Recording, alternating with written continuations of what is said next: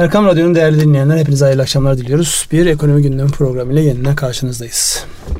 Piyasalar hareketli. Bugün böyle e, 6 ayın değerlendirmesi olduğu için hemen böyle 6 aylık rakamlar geldi karşımıza.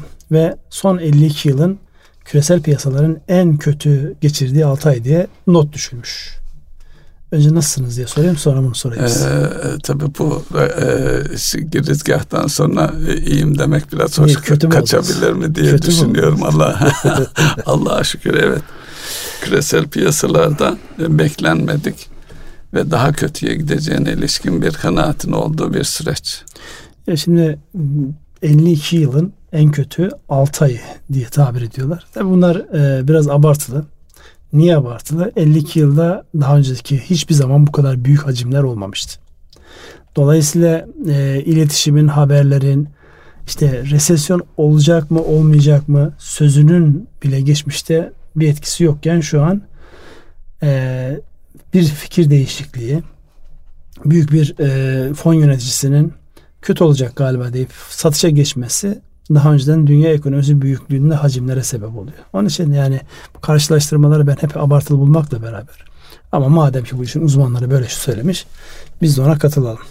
Ne oldu peki bu buraya geldik sorusunun cevabı. Özellikle e, Amerika'da yani belli göstergeler var işte perakende satışlar olsun, insanların işte yeni e, ev almak ya da benzeri tüketimle alakalı eğilimleri olsun. Oradaki beklenen artışlar olmayınca bir de işsizlikle alakalı da e, istenen düşüş ya da e, başvurularda biraz artış olunca işsizlik başvurularında bir de psikoloji bozuldu. Siz ne okuyorsunuz? Konuşacağımız çok konu var da buradan bitirelim. E, bir kere e, bu son 50 yıl mevzusuna falan e, gelince e, sürekli olarak eldeki dataları analiz ederek kullanarak bir projeksiyon çıkarmaya çalışan bir kültür de var. Onu da görmemiz lazım.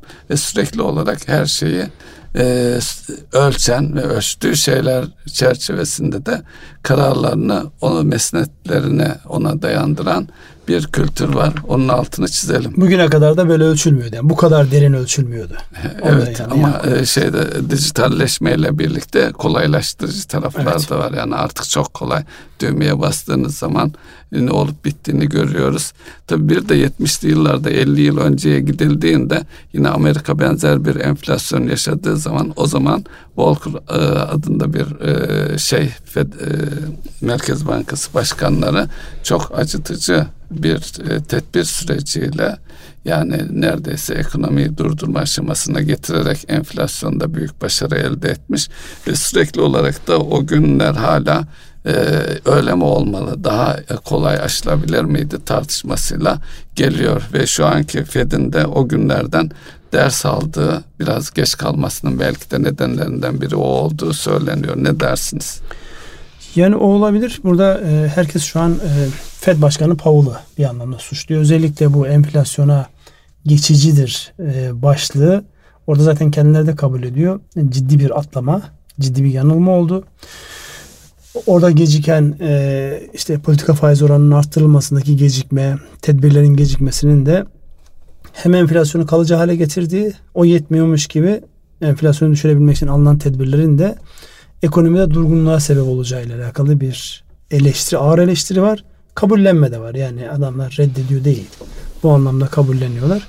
Dolayısıyla şu an baktığımızda yani bizde de zaten net eksi reel faiz uygulanan bir dönemdeyiz. Yani enflasyonun işte Amerika'da e, yüzde dokuzlarda, Avrupa'da yüzde dokuzlara yakın.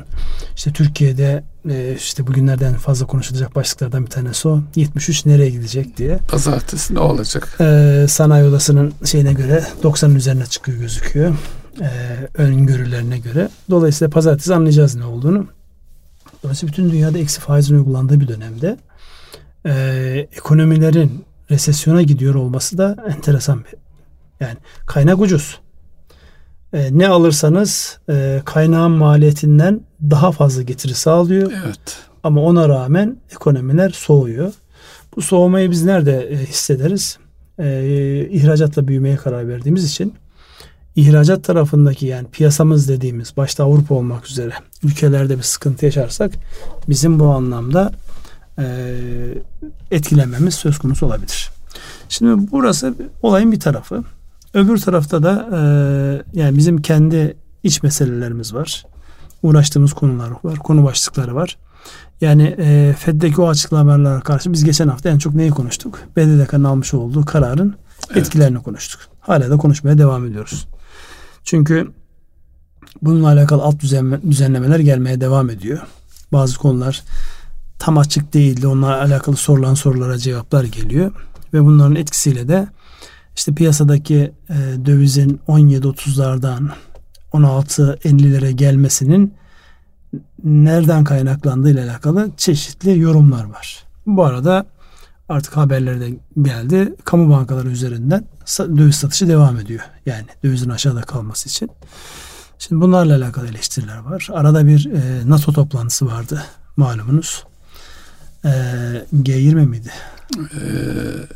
G20 NATO, değil, NATO, toplantısı. NATO toplantısı Madrid'de yapılan. Daha önce G7 olmuştu. Biz G, yoktuk işte, ama orada. G'ler birbirine karıştı. Dolayısıyla yani G20 nerede aklıma geldi? Ben çünkü Biz Putin'i görmedim şey. Evet. Putin'i görmedim ya. Putin'in o gelecek Putin'i, diye evet. şey vardı. O toplantılarda görmedim. Orada en bariz şey Cumhurbaşkanımızın İngiliz zaten. Başbakanının omuzuna dokunuşu ve adamın e, irkilmesi. Dolayısıyla e, onlar var ama onun ötesinde de e, NATO ile alakalı olarak özellikle bizim uzun zamandan beri ilk defa hayır dediğimiz e, bir üçlü e, manifesto mu? Protokol mu? Ee, işte protokol, Adı neyse. Evet neyse. E, onunla e, onun sonuçlarıyla alakalı tartışmalar var. Şimdi önce BDDK tarafını bir tartışalım. BDDK yapmış olduğu bu düzenleme ile ne yapmış oldu sorusunun bir cevabını kendimize verelim. Bunun piyasaya etkisi ne olur, firmalara etkisi ne olur onu verelim. Ee, benim ilk gördüğüm, siz onu gözlemlediniz mi bilmiyorum. Ee, kredi kullandırım oranlarında bir artış oldu hem katılım bankalarında hem ticari bankalarda. Dolayısıyla BDDK'nın yapmış olduğu bu hareket özellikle zaten piyasada giderek daralan likiditenin daha pahalı halde el değiştirmesine sebep oldu.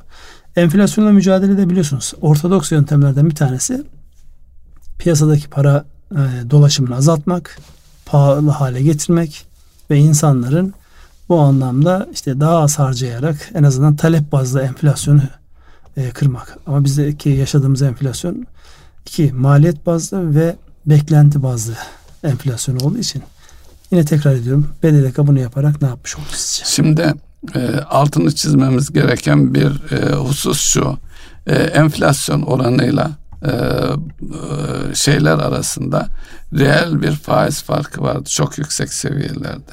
Dolayısıyla kredi kullanan e, kim olursa olsun eğer Türk lira kredi kullanıyorsanız e, 20'li rakamlardaydı. Gerçi 30'lu rakamlara kadar geldi. Orada da artış var oranlarda e, buna rağmen e, kredi kullanın ne isterseniz alın kardasınız son dövizdeki artış sürecine de bakacak olursak yani bizim özellikle e, enerji faturamızın yükselmesi nedeniyle cari açığımız daha doğrusu dövize ihtiyacımız da artıyor. Bu ihtiyaç doğal olarak e, döviz fiyatlarını da yukarı çekiyor.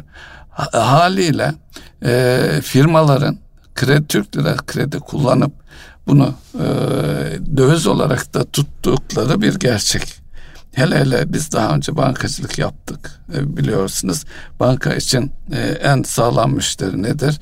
Bir tarafta nakit karşılıklı kredi verirseniz sizden iyisi yok. Yani bankadan TL kredi aldınız onu da döndünüz aynı bankada döviz olarak tutuyorsanız e, sonunda yani döviz artışı sizin maliyetinizin üzerindeyse e, ne bileyim e, kardasınız. Elinizi kolunuzu Sizin yaptığınız taşın. bankacılığa pek uymuyor bu tarif ama bildiğim kadarıyla sizin mal yani, alım Bankacılık mantığında genelde insanların e, yani şube müdürlerinin elini ovuşturarak e, banka onayını alacağız. Zaten kredi limit, risk limitlerinde de bu onu, olumlu bir e, şeydir bankalar açısından.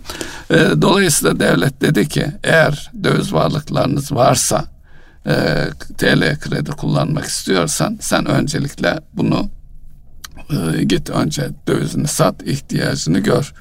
E, TL kredi kullanamazsın dedi. Burada 15 milyonluk bir şey var. Tabii bu e, şu, bunu da şunu da ifade etmek lazım. Devletin bu kararlarıyla artık mikro seviyelerde müdahalesini de görüyor olmamız lazım. Yani her firmanın kendi gerçekleri var. İthalatçıdır, e, transferi vardır. Onun için tabiatıyla transfer günü kurundaki riskleri gözeterek önceden hazırlığını yapan firmalar var. İhracatçı olan var, ithalatçı olan var.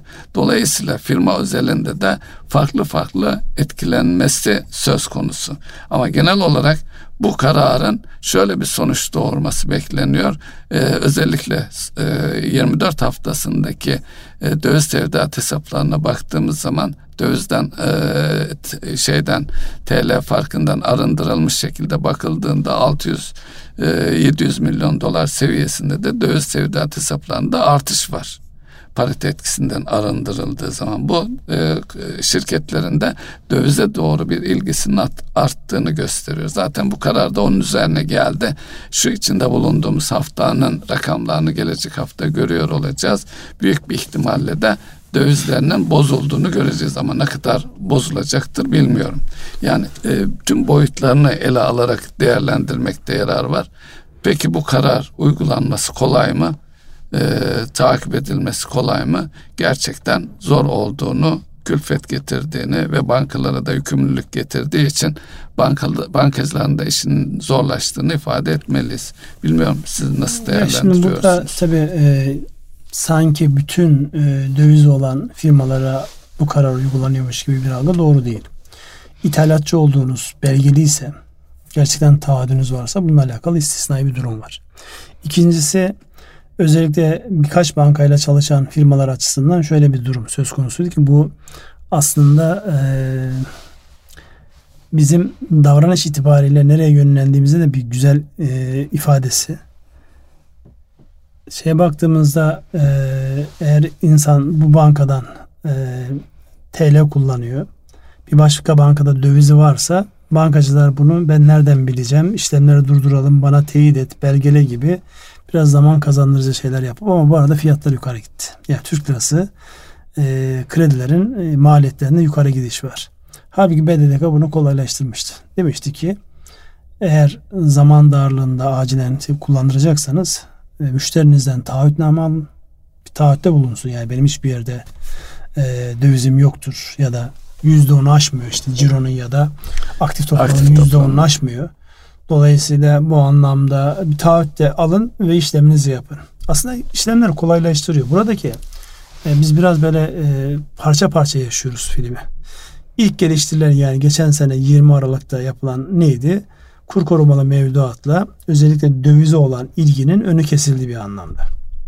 Türk lirasında kal ama ben sana dövizin getirisinde devlet olarak garanti edeyim. Yani bankalar herhangi bir yük değil. Orada hazine üstlendi onu. Niye üstlendi? Öteki türlü işte hazine bonosu devlet tahvilinin gidebileceği e, kurlarla alakalı borçlanmanın zorlaşması ve faizlerin her ne kadar siz e, politika faizini 14 belirlemiş olsanız dahi belki devlet iş borçlanmanın da 30'lara 40'lara 50'lere gidecekti. Onun önü kesildi.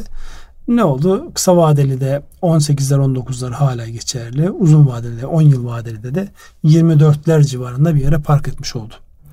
Şimdi buradan geldiğimiz e, bu şeyden hareketle baktığımızda e, BDDK'nın son hamlesi bundan önce yapılan hamleler aslında bir devamı.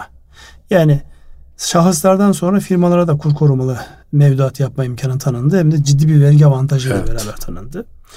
Ee, orada eğer bozmamışsa hala portföyünde ihtiyacı olmadığı halde yani ithalatçı değil e, işte yüzde onun üzerinde yani bu spekülatif amaçlı da olabilir. Gerçekten yani e, ihtiyacı olduğu için de olabilir. Bununla alakalı gerekli açıklamalar yap. Bu yola e, kullanayım. Madem kredi kullanıyorsun eğer bu senin ihtiyacın yokken sen bunu döviz olarak burada tutuyorsan benim bütün politikalarımı bozuyorsun. Dolayısıyla onu da kur korumalı mevduata doğru iteledi. Ki şu an kur korumalı mevduat biliyorsunuz 1 trilyon TL'nin üzerine çıktı. Evet. Ya çok üst seviyede. Kurlar geri olmasına rağmen TL karşılığının 1 trilyon üzerinde olması şu anlama geliyor. İnsanlar yani eski hızı olmasa dahi hala kur korumalı mevduat tarafında devam ediyor. Onun nihayetinde hazineye nasıl bir yük getireceğini şu an bilmiyoruz ama kurların aşağı gelmesi o yükü hafifletiyor. Dolayısıyla yani bugünlerde insanlar şey soruyor. İşte kamu bankaları vasıtasıyla hala döviz satmaya devam ediyorlar. E şimdi bir taraftan bir maliyet oluşuyorsa öbür tarafta da oluşturduğunuz bir imkan varsa onu değerlendirirsiniz. Yani bunu niye yapıyorsunuz diye sormak herhalde abesle iştigal. Yani kimse e, hani yoldan bulmuş değil bir sorumluluğu var netice itibariyle. Eğer siz kur korumalı mevduata tahmin ettiğinizin üzerinde bir bedel ödeyecekseniz elinizdeki bütün araçları kullanırsınız. Nedir o araçlar? İşte e, makro ihtiyacı tedbirlik kapsamında e, bankalarda olmayan ama firmalarda olan yani banka hesaplarında olsa dahi firmaların bozdurmaktan imtina ettiği dövizi bozduracak tedbirler alasınız. Şimdi buradaki temel tartışma şuydu aslında ben de size o soruyu sormak istiyorum. Bu piyasa ekonomisine müdahale midir? Ee, sermayenin kontrolü müdür?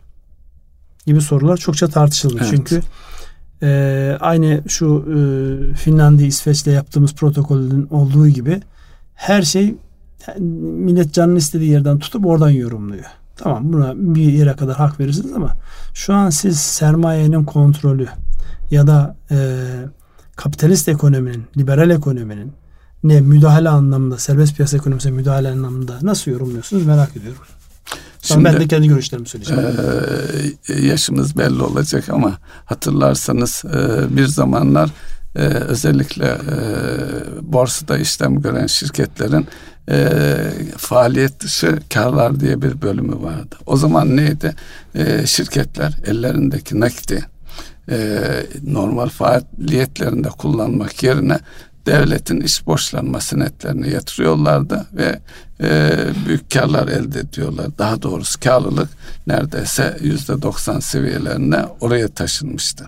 Şimdi o günlerden e, bugünlere geldiğimizde e, bu tedbirler işi e, daha doğrusu firmaların faaliyetleriyle ilgili işleri yanı sıra bir sapma oluşturuyor. Eğer bir firma gerçekten dövizli e, TL kredi kullanıp faaliyetinde kullanmak yerine e, bunu e, dövizli spekülatif amaçla ki bunu amaçlı da tutabiliyor.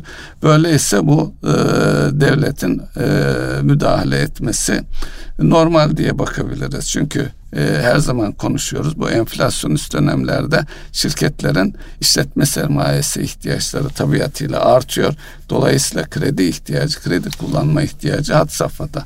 Doğal olarak da bu dönemde zaten yeni kredi politikalar çerçevesinde de devlet verdiği kredinin doğru yerlere gitmesiyle ilgili e, bir politikası var. Bunun için de bankaları da zorluyor.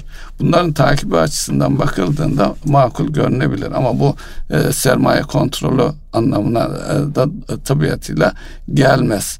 Burada tabii e, şeyler konusunda bu söylemler konusunda baktığımız zaman işte politize olmuş yapılar var. Dolayısıyla bir karara ya hepten karşı ya da hepten yanında gibi duruluyor.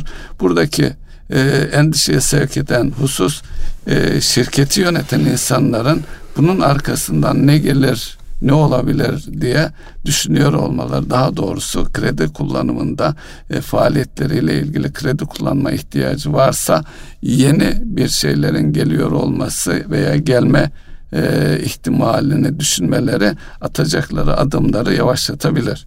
Ki bu e, tedbirler sonucunda da özellikle yatırım tarafında e, adım atacak e, firmaların e, iştahını kesme riskinin olduğunu da söyleyebiliriz belki de. Şimdi zaten bu tartışmaların e, temelinde şu vardı. E, bu şekildeki bir müdahale e, fiyatları da yukarı çekeceği için e, talepte olsa bile ya yüksek fiyattan katlanacaklar ya da talebi düşürecekler insanlar. Şimdi işler büyüyor mu? Evet büyüyor. Yani ihracat başta olmak üzere işlerin büyüdüğünü görüyoruz. Ee, öbür taraftan işler büyürken de enflasyondan dolayı özellikle son dönemde biraz bazı unsurlar geri gelse de mesela demir çelik fiyatları geri gelse de petrolde bazen bir yüzde üçlük beşlik geri gelip sonra tekrar yerine koysa da ham madde fiyatlarında döviz bazlı olarak bir geri geliş yok. Dolayısıyla bunun anlamı şu işletme sermayesi ihtiyaçları artacak. Kredi talebi artacak eğer öz kaynaklarınız yoksa. E, çünkü piyasanın birbirini fonlama faslı da bitti. Yani eskiden az önce söylemiş olduğunuz e, şeylerde sadece elde ettikleri fonları bankada, repoda ya da hazine bonosunda değerlendirme ötesinde ciddi bir vadeli satış e, imkanı da vardı yani. Çünkü vade farkları çok üst seviyedeydi evet. o dönemde. Enflasyonun düşmesiyle beraber unut, unuttuğumuz bir şeyi tekrar yükselince yeniden hatırladık. Ama şu an piyasanın birbirine kredi kullandırma e, ihtimali ve uygulaması son derece sınırlı. Onu da görüyoruz. Şimdi buradan hareket ettiğimizde Temmuz ve Ağustos'ta e, kur korumalı mevduatın geri dönüşleri var. Çok büyük çaplı ödemeler orada olacak. Çünkü e, 6 ay açılanların süresi orada doluyor. Ocak ayında açılmış olsalar işte Haziran sonu Temmuz ortalarından başlıyor. Ağustos'a kadar devam ediyor. Hatırlarsanız o zaman evet. işte 50 milyar oldu, 60 milyar oldu. Yıl sonu itibariyle oldu. bozma zorunluluğu getirilmişti. Evet. Dolayısıyla tam da Temmuz'a e, dan tam başlıyor. Temmuz evet. Dolayısıyla burada ciddi bir ödemeler var. Yerine hangi enstrümanın konacağı konuşuluyor. GES yerine bir enstrüman oldu mu çok olduğu söylenemez. Çünkü ilk talepte yanlış hatırlamıyorsam 6.6 milyarlık bir talep gelmişti. O trilyonu aşmış bir ürünün yerine en azından şu an itibariyle e, çok böyle e, karşılayacak bir ürün olarak görmüyor. Burada getirilecek ürün eğer mevduatın alternatifi devlete gidecek olan bir kaynak ise burada başka bir problemle karşı karşıya kalma ihtimalimiz var. Bankalardan mevduat çıktığı zaman yerine yeni bir kaynak koyamıyorsanız bunun anlamı şu kredilerin de geri çağrılacağı evet. anlamına geliyor. Bu da kredi piyasasını daraltacağı anlamına geliyor. Onun için orada fiyatlar yukarı gidecektir e, biraz e, daralma olacaktır. Her istediğinde insanlar kaynağa ulaşamayacaktır. Onun yansımalarını göreceğiz. Onun için Temmuz ve Ağustos'ta kur korumalı mevduatın maliyeti, hazineye olan maliyeti artmasın diye kamu, hazine, maliye bakanlığı elindeki bütün enstrümanları buna BDDK'nın son aracı da dahil kullanmasından daha tabii bir şey yok. Yani Yapmazsa zaten bu sefer basiretsizlik yapmış olur. O zaman sen yönetemiyorsun der. Çünkü e, kamu hazinesini, kamu maliyesini inanılmaz bir maliyetin altına soktun. Kur korumalı mevduatta kurun 16'larda değil de 18, 19, 20'lerde olduğunu düşünün. Bu sefer inanılmaz bir maliyet gelecekti. Dolayısıyla hazinenin şu an BDDK üzerinden piyasada kuru düşürecek adımlar atıyor olması son derece normal. Bu piyasaya müdahale midir?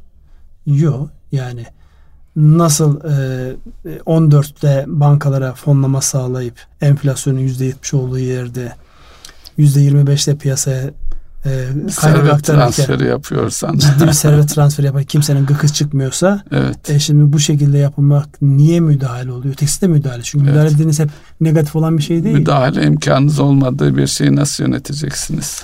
Dolayısıyla burada yani bu müdahale midir işte serbest piyasa ekonomisine uymuyorsunuz falan bunlar şey. O zaman baksınlar Amerika'ya ya da İngiltere'ye yaşanan o 2008-2009 krizinde kaç tane bankalarını batırdılar? Biz 2001'de kaç tane banka batırdık? Evet.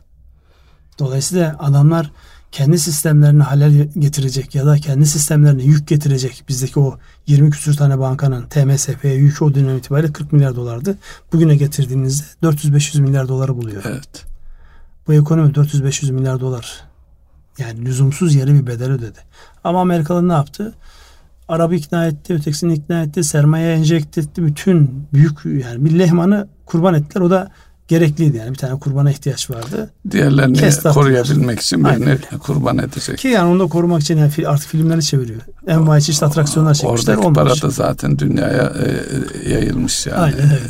Yani. o Amerikalıların ödediği bir bedel olmadı. Dolayısıyla evet. oradan tercihini yaptı.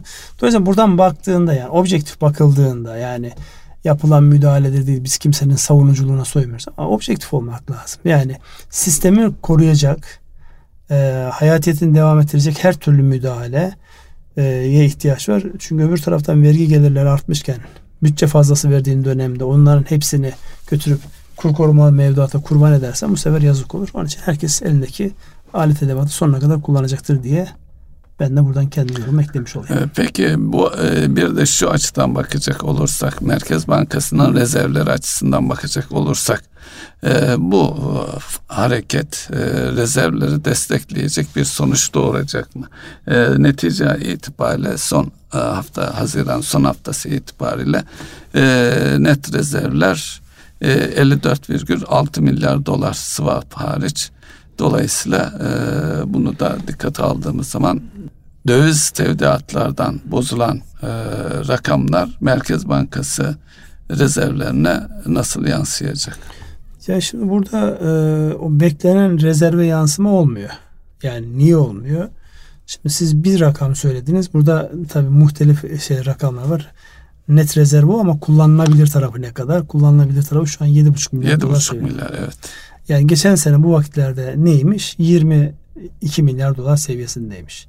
Dolayısıyla baktığımızda yani bu son dönemde yaşanan özellikle bu Eylül ayından itibaren başlayan Merkez Bankası'nın faizi düşürmesiyle beraber başlayan o süreçte yani rezervlerde çok net bir şekilde e, dengeyi sağlamak için bir azalma olmuş. O azalmayı arttırmak için işte ihracat ön plana çıkarılıyor. Fakat e, son verilerde şunu gördük. Dış ticaret açığımızda yani e, tarihi rekorlar seviyesinde. Yani evet. Dolayısıyla 6 aylık dış ticaret verilerine baktığımızda özellikle e, enerji fiyatlarının yukarıda olması netice itibariyle onu dışarıdan satın alıyorsunuz. Bizim tarihi bir dış ticaret açığı verebileceğimiz bir döneme denk geldi. Bunu karşılayacak olan nedir? Bunu karşılayacak olan e, turizm gelirleridir. Ve ihracat. Şu an fena gitmiyor. İhracat dış ticaretin bir tarafında olduğu için sermaye hareketleridir. Yani gelip insanların burada doğrudan yatırım yapmasıdır. Ödemeler dengesindeki dengeyi sağlamak açısından. Dolayısıyla e, bunu birlikte düşündüğümüzde evet bir taraftan bazı şeyler gayet iyi giderken öbür taraftan da dış ticaret açığının büyüyor olması da ilave bir fonlama ihtiyacını getiriyor. İnce bir çizgideyiz. Yani yabancı kaynağı, uzun vadeli yabancı kaynağı bu anlamda ihtiyaç var. Ben hep bankaların sendikasyonlarına bakıyorum. Şu ana kadar sendikasyonların yenilenmesinde fiyatlar artmış olmasına rağmen çok fazla bir problem yok. CDS'lerin bu kadar yukarıda olması, 800'ler civarında oluyor olması çok şey söylüyor ama enteresandır. Türk bankacılık sistemi şu an e, ülkenin bulunduğu e, yatırım yapılabilirlik yani rating e, notuna göre e, daha iyi algılanıyor ya da fiyatlanıyor. En azından orada bir bozulma olmadığını şu ana kadar gördük. İnşallah da olmaz. Ama maliyetler yükseldi işte. O maliyetlerin de neticede ekonomiye bir e, yükü olacaktır. İşte kendi ülkelerinin alamadıkları e, farkı bizden alıyorlar. Enflasyon kendi ülkelerinde yüzde dokuz on.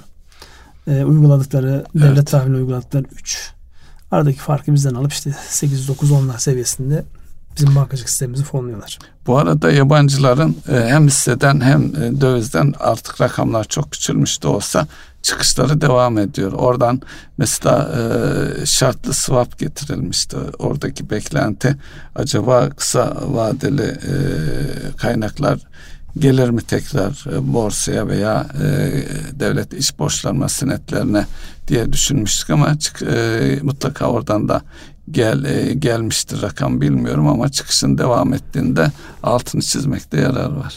Şimdi gelebilmesi için swap kapısının açık olması lazım. Yani insanlar sizin... Şartlı swap işlemedi mi işlemedi acaba? yani. Bence de işlemedi. Çünkü e, yani şartlı swap'ın ötesinde hem finans sektörünü Oraya zaten sınırlamaları vardı biliyorsunuz. Firmalar da sınırlanmıştı ve firmalar da sınırlandığı için e, böyle bir sıkıntı var orada. Ona dolayısıyla yabancı dövizini satarak Türk lirası e, yatırım araçlarına yatırım yapmayı mı tercih eder yoksa değişerek mi yatırım yapmayı tercih eder? Öncelik olarak herhalde değişmeyi tercih edecektir. Fakat değişimin alanını kapatınca yani o alanı evet. sınırlayınca otomatik olarak oradaki e, kısa süreli ya da işte portföy yatırımı diyebileceğimiz yatırımlara yönelik para girişlerinin olmadığını söyleyebiliriz bu şu anki verilerden. Peki bu süreçte şimdi yaz dönemi olduğu için ihracat, turizm, e, üretim o tarafta e, cari açı yönetmek nispeten kolay. E, sonbahar aylarında özellikle enerji maliyetimizin de artacağını, ihtiyacın da artacağını dikkate alırsak bizi ne bekliyor olacak? Bizi ne bekliyor olacak? Biraz kahinlik yapalım. Bir kere enflasyonla alakalı. Kahinlik değil de tahminli tedbir alma adına neler yapmamız lazım. yok şimdi burada kelime negatif olduğu burada, için. Burada burada e, şey şansı yok işte mesela Avrupa Merkez Bankası Başkanı çıkıyor. Çok net ve şahin açıklamalar yapıyor. E, Avrupa, e, Amerika çıkıyor diyor ki biz hata etmişiz. Yani enflasyon hafife almışız. E şimdi bizde de baktığımızda şu ana kadar alınan tedbirler en önemli e, maliyet unsuru olan kur farkını aşağı çekmede bir yere kadar başarılı oldu. Şimdi bundan sonraki süreçte siz bana kurların ne olacağını söyleyin. Ben de bunu tutup tutmayacağını söyleyeyim. Çünkü orada en önemli buradaki yani hükümetin de enflasyonla mücadelede de piyasalardaki dengeyi kontrol etmede de şu an e, gündemin aldığı en önemli şey kur artışları. Ya önce ee, 14'lerde tutmaya çalıştık olmadı. İşte 16-17 bandında gitti geldi. 17'yi geçti. Sonra işte bu yeni bedelek açıklamalarıyla tekrar 16'lı rakamlara geldi ama yani burada hala bir e, rahatlama yok yani. Şu an itibariyle baktığımda bir gün içerisinde 16-70'lerin üzerine çıkmış. Oralarda dolanmış. Hala oralarda tur atıyor. Tabii kurguyu e, dış ticaret fazlası e, üzerine kurduk. O kurgudan bence şu e, an... o kurgu beklenmedik biçimde e, değiştiği için e, ve faizle ilgili bir adım da atılmayacağından e, farklı ve e, belki mikroya yönelik tedbirlerle bu dönemi geçirmeye çalışıyoruz. Ya şimdi BDDK'nın yaptığı benzerinde düzenlemeler devam edecek. Ben buna inanıyorum. Evet. Yani bu değişik ve varyasyonlarla bu düzenlemeler devam edecek. Bu köklü bir çözüm müdür? Yapısal bir çözüm müdür? Yani bazıları biraz daha böyle uzun vadeli ama yani bunlara geçici değil. gözüyle bakabilir miyiz? Öyle olmak zorunda şimdi kur, kur korumalı mevduatı siz ne kadar daha devam ettirebilirsiniz? Fiyatını sizin kontrol etmediğiniz yani e, rezervinizi bir anlamda yakma pahasına kontrol etmeye çalıştığınız bir orana endeksli bir yapıyı e, evet ilk etapta koruyorsunuz. Bir şekilde e, problemi çözüyor. Ama ilelebet onu uygulayamazsınız. Yeni ürünler getirmek zorundasınız. Ki yeni ürünler konusunda denemeler yapılıyor işte. Gelir endeksli senetler ondan bir tanesiydi. Bunun gibi hususlar olacak. Dediğim gibi piyasada konuşulan en çok konuşulan şu vakti zamanda Çiller döneminde gelen süper bonolar vardı ya. Evet. 3 aya net %50 e, getirinin sağlandı. Ona benzer şeyler e, öneriliyor. Fakat oradaki temel problem az önce söylediğim şey. Yani bunun olabilmesi için siz kredi piyasasını komple gözden çıkarmış olmanız lazım. Çünkü ne kadar kaynağın oraya kayacağını ya bir üst limit koyacaksınız. Diyeceksiniz ki burada maksimum işte 100 milyara kadar ben bunu bu şekilde alabilirim. Hani e, süper bononun içerisinde de e, hani kura çekimiyle mi olur nasıl olur bilmiyorum. Çünkü siz eğer o benzeri bir ürün geliştirirseniz GES'te olmadı ama orada çok ciddi bir e, şeyiniz olabilir, talep olabilir. Çünkü enflasyon şu an baktığımızda yani 73 düşüş trendine girmedi. Yani belki yüzdesel anlamda eskisi kadar yüksek oranla artmıyor olabilir ama şey onu demiyor özellikle özel sektörün yapmış olduğu beklenti anketler onu söylemiyor. E, yukarı doğru gitmeye devam ediyor. Bu ortamda siz ne yapacaksınız ki e, o bozulmuş e, dış ticaret fazlası vererek kurguladığınız yapını oluşan boşlukları doldurasınız. Şu an zannedersem onlarla alakalı ürünler çalışıyorlar. E, Maliye Bakanı e, enflasyona endeksli bir ürünün gelmeyeceğini ifade etti. Yani o intihar olur zaten. O zaman bu kadar sıkıntıya niye katlandı? En başlangıçta enflasyon endekslenirdi. Yani bazı şeyler vaktinde yapmadığında sonradan yapmanın çok fazla bir anlamı yok. Tıpkı politika faiz oranını arttırmanın şu an anlamı olmadığı gibi yani. Kaça çıkaracaksınız? 70'e mi çıkaracaksınız? 80'e mi çıkaracaksınız? Yani. Dolayısıyla bu saatten sonra artık e, eksi reel faiz uygulamasını e, baz alarak elinizdeki diğer araçları kullanacaksınız. Fakat dediğim gibi buradaki temel şey para politikasının en önemli aracı şu an devre dışı. Yani bu söylemlerle daha uzun bir süre devre dışı kalmaya devam edeceğini gösteriyor.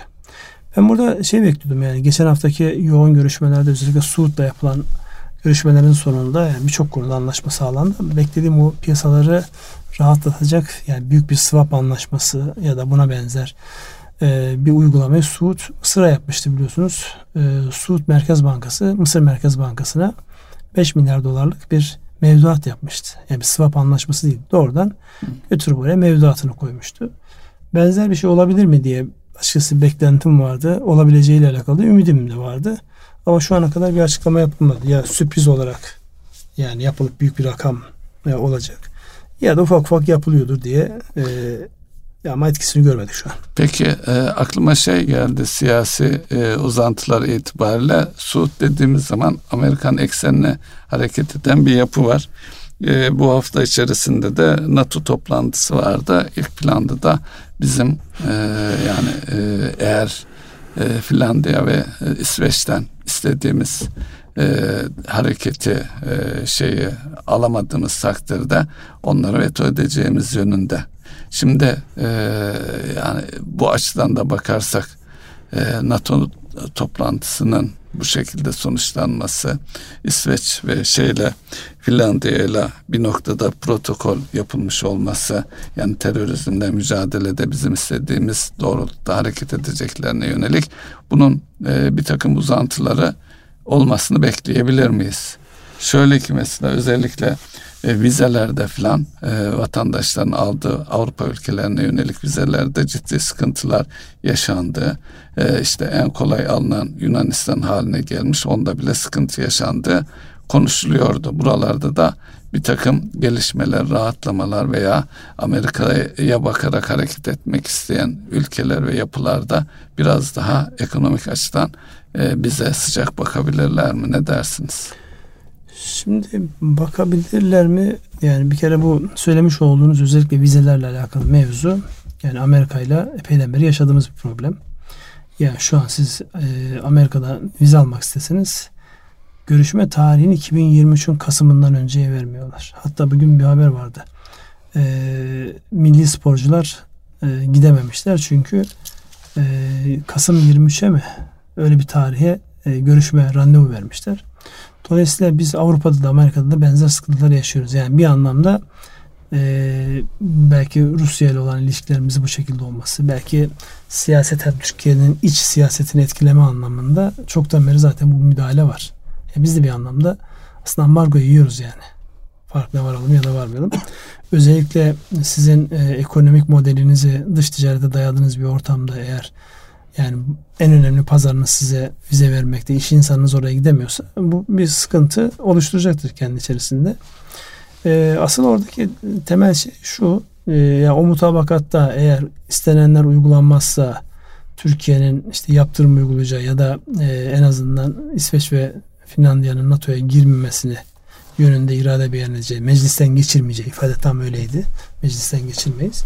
Şimdi bir bekleme sürecine girildi. Fakat yani biz ne hikmetse bu konularda bir türlü yapılanı ya zafer olarak algılıyoruz ya hezimet olarak algılıyoruz. Baktığınızda çok uzun zamandan sonra ilk defa Türkiye NATO'da böyle bir duruş sergilemiş.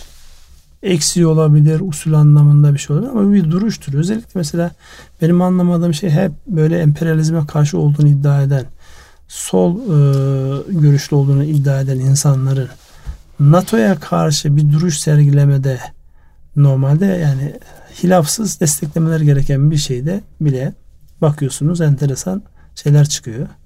Bir e, arızalar çıkıyor. Özellikle de yani bu konuda işte milliyetçi ve liberal kimliğiyle ön plana çıkan yapın. O zaman orada bir şey var ya bir NATO'culuk var zaten orada. Dolayısıyla oradan öyle tepkinin gelmesi normal de bir konsensus sağlayamamış olmanın şey var, sıkıntısı var. Bir belgesel izlemiştim. Soğuk Savaş'tan sonra e, yapılmış bir belgesel. E, bizim gibi ülkelerde Komünist Parti hariç diğer sol örgütlerin NATO ve Amerika tarafından e, örgütlendi.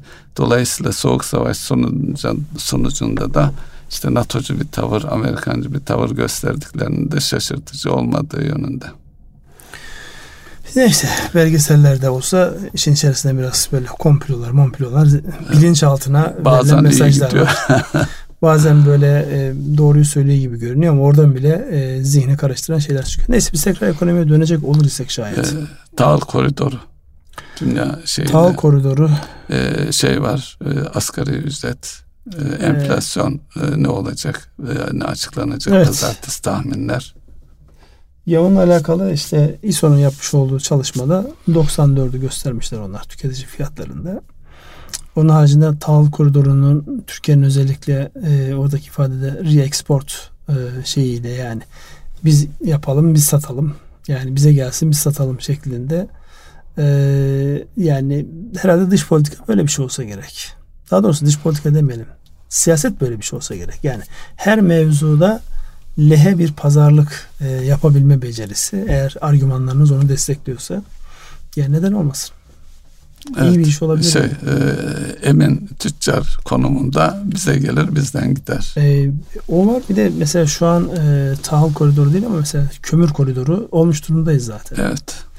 Yani Türkiye şu an özellikle o bölgeden kömür ülke özellikle bizim gibi e, ithal kömüre dayalı termik santraller olan ülkeler başta olmak üzere belki başka ülkelerin ihtiyacını da karşılıyor olabiliriz biz bu arada. Onun için e, her kriz burada Çinlilere mal edelim. Çin'de fırsatlar barındır. Yeter ki görecek kadar kendinizi sakin tutabilin. Yani böyle duygularınıza yenik düşmeyin diye telkinler var. Biz de buradan o telkini verelim. Yani şu an iş dünyasında evet baktığımızda e, kredi piyasalarında daralma var, likitte daralma var. Dünya resesyonu konuşuyor. Onların resesyonu konuştuğu yerde biz e, yeterince mal satamayabiliriz. Düşündüğümüz fiyatları yakalayamayabiliriz.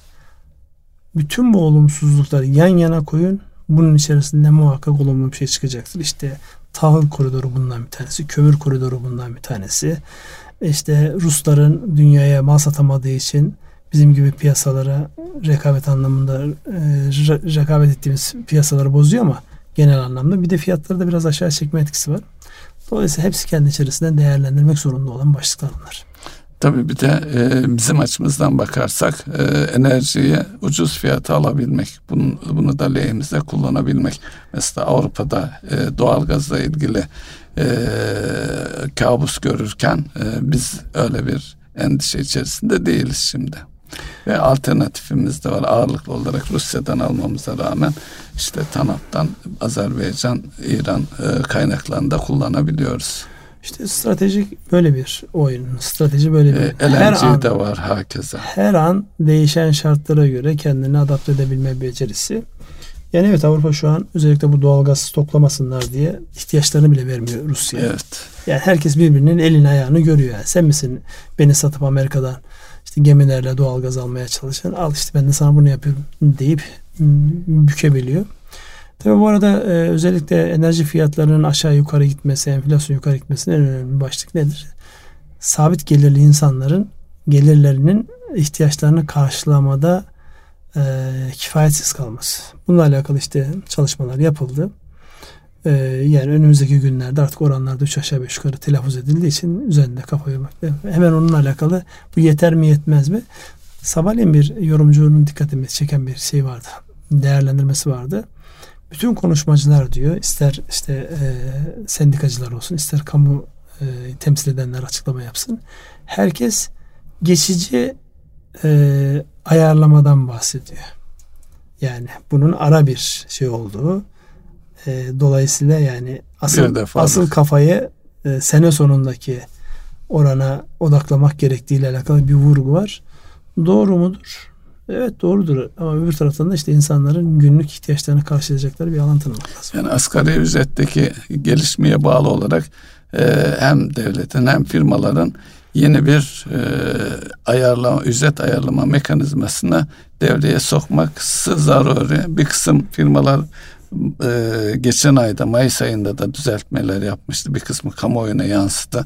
Büyük gruplar da var içerisinde ama bu e, şeyden itibaren Temmuz'dan itibaren tüm e, ücretlerin yeniden değerlendirileceği bir süreç e, iş adamlarının karar vericilerinin masasında olacak.